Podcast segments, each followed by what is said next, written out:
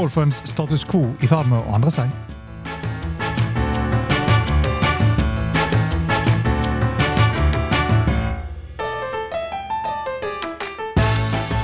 Hei, velkommen til denne episoden av Golf Unplugged, presentert av Turtøy Golf. Og Vi skal snakke litt om eh, golfsporten, som er i stadig endring. Og Det dukker jo opp nye konsepter og turer som muligens kommer til å påvirke spillets status quo. For de av oss som har vært involvert i golfsporten så langt tilbake i tid at vi spilte med vudder som faktisk var laget av tre, og ikke overdimensjonerte hoder i titan. Og utilgivelige bladkøller som i dag er nesten faset ut til forhold for cavity back, som overlegent mye mer tilgivende. Tunge golfsko med stålspikes erstattet med joggesko som er mer ment for å være gode å gå i enn faktisk å være gode golfsko. Ja, Utseendssynet golf har vært en kolossal utvikling, og nå merker vi også at selve spillet møter utfordringer i form av at det stadig dukker opp nye ligaer eller turer med nye spillekonsepter. Og er de ment å gjøre sporten mer populær, rekruttere og gjøre det kanskje mer seervennlig, eller bare et skuespill som tillater den indre sirkel av proffgolfer til å tjene enda mer dollar, som gjør den at den vanlige mannen i gaten får brekningsproblemer med tanken av hvor mye det er snakk om. Så status quo er i endring hva gjelder proffgolf, og bevegelsen vi er vitne til, er det den rette, og er det et marked der ute som kan generere så mye dollar til å forsvare de enorme summene som er i spill hver uke på kortklippeferier verden over? Vi har Deep World Tour med et underliggende challenge-tur, og PGA-turen, som rekrutterer fra Cornferry-turen på ene siden. Asia-turen som tiltrekker seg spillere fra begge sider av Atlanteren, samt Australia. Og som et underliggende sportlig alternativ da, mellom DP World-tur og PGA-turen. Så dukket Liv Golf opp, med all den problematikken det dratt med seg. Og i kjølvannet av to sesonger så ligger da Liv Golf og PIF, så da er det Saudi Investeringsfondet, i da en forhandlingsavtale med PGA-turen for fremtiden.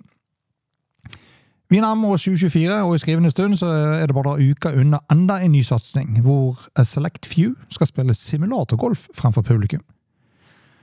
Og er TGL simulatorgolf, hvor de allerede best betalte golferne i verden, foruten livgolfere, får sin egen lekegrind offseason til å innkassere enda mer dollar i regi av Takabuzo og McIlroy. Og eller er dette da for, ment å forankre seg som et alternativ til the wrap-around season, og så skal det være et, kun et supplement? Ser vi bort fra PGA-turen og Tur, som har sine TV-avtaler og et relativt stabilt publikum, i hvert fall skal vi tro ratingene, så undres vi litt på om det er rom for mer. Liv Golf, som har avsluttet sin andre sesong og har enda ikke tiltrukket seg en TV-avtale med noen av de største nettverkene. Hvorfor? Svaret på det er sikkert mangfoldig og sammenhengende. Moral- og menneskerettighetsspørsmål på ene siden, og de arabiske landene er én ting. Konseptet til Liv. Tre runder shotgun og uten kutt, og musikk 24-7 er vel heller ikke noe som egentlig tilhører golfsporten. Jo da, det er viktig å fornye seg, og musikk er kult, det, men ser man på livgolf og dens manglende popularitet, så er det en grunn selvforklarende at de ikke klarer å tilegne seg noen TV-avtaler med noen av de største selskapene. Mulig at noen har overvurdert potensialet til livgolf sitt konsept. Og nå, det siste nye er da simulatorgolf for noen få utvalgte i et helt nytt konsept. Roy McElroy, som ikke liker spesielt godt å prate om livgolf, han var i posten nylig og skulle introdusere det nye TGL-konseptet, så er den nye ligaen som står i regi av Tiger Woods og McIlroy.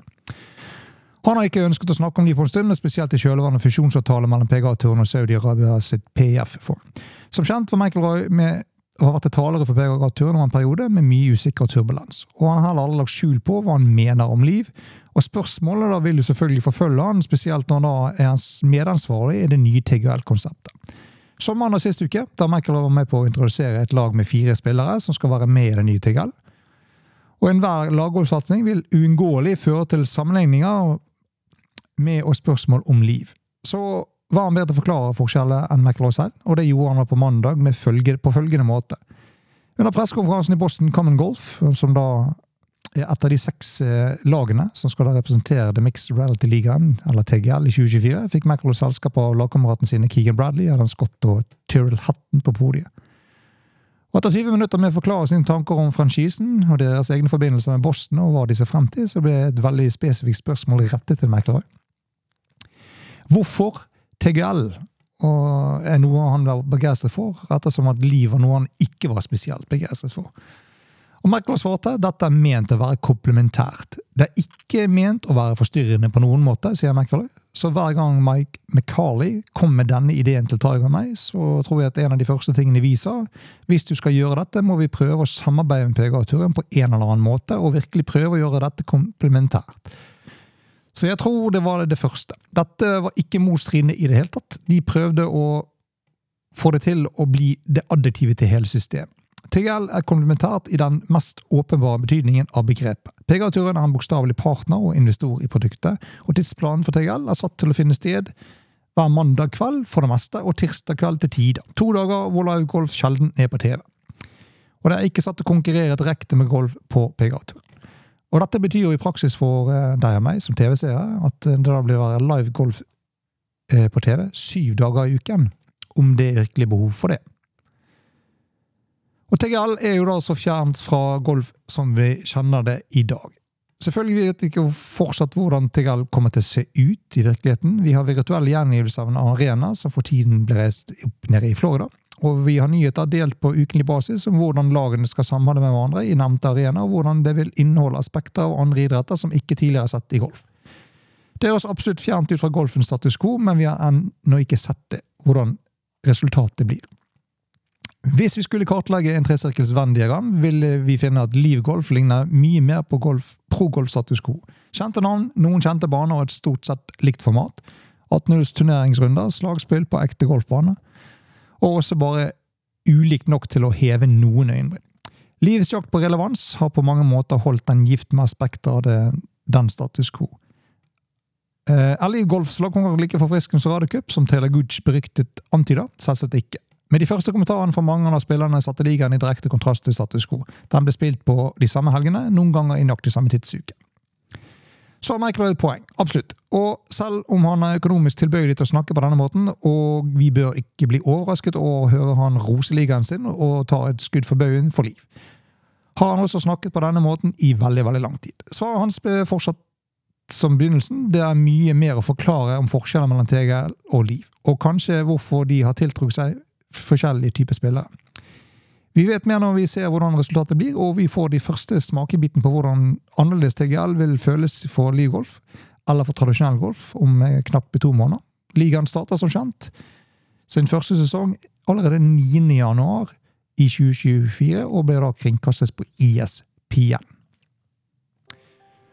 Så gjenstiller vi spørsmålet til golfens, er golfens status quo i endring, og er det til det bedre? Har golfen det bedre i sitt kjente format, eller må det utvikling til for å kunne rekruttere nye golfere, som til syvende og sist er helt avgjørende til om golfen har livets rett for fremtiden? Vi tenker at det er penger som rår, i et klima hvor de fleste spillerne har hevdet at en wraparound season måtte endres for at det ble rett og slett for mange turneringer i en altfor lang sesong. Så et alternativ etableres da det nye TGL-konseptet, hvor rådet da, som rådet da kaller komplementært. Og dette skal da foregå over 15 uker i offseason.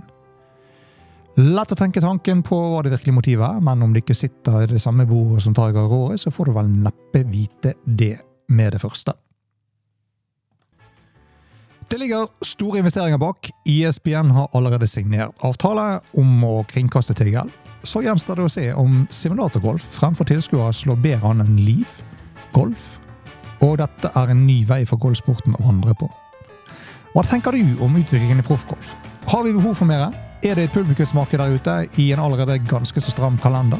Og er det virkelig behov for en endring? Send tips og kommentarer til unpluggedturtreggolf.no. Og med det er vi jo i denne episoden av Golf Unplugged, presentert av Turtreck Husk lik, del og subscribe. Gi oss gjerne en god rating. Og til vi høres neste gang, er det frost der ute? Vel, gjør som Rory og Tiger og Kode. Ta deg en tur på simulator så lenge. På gjenhør.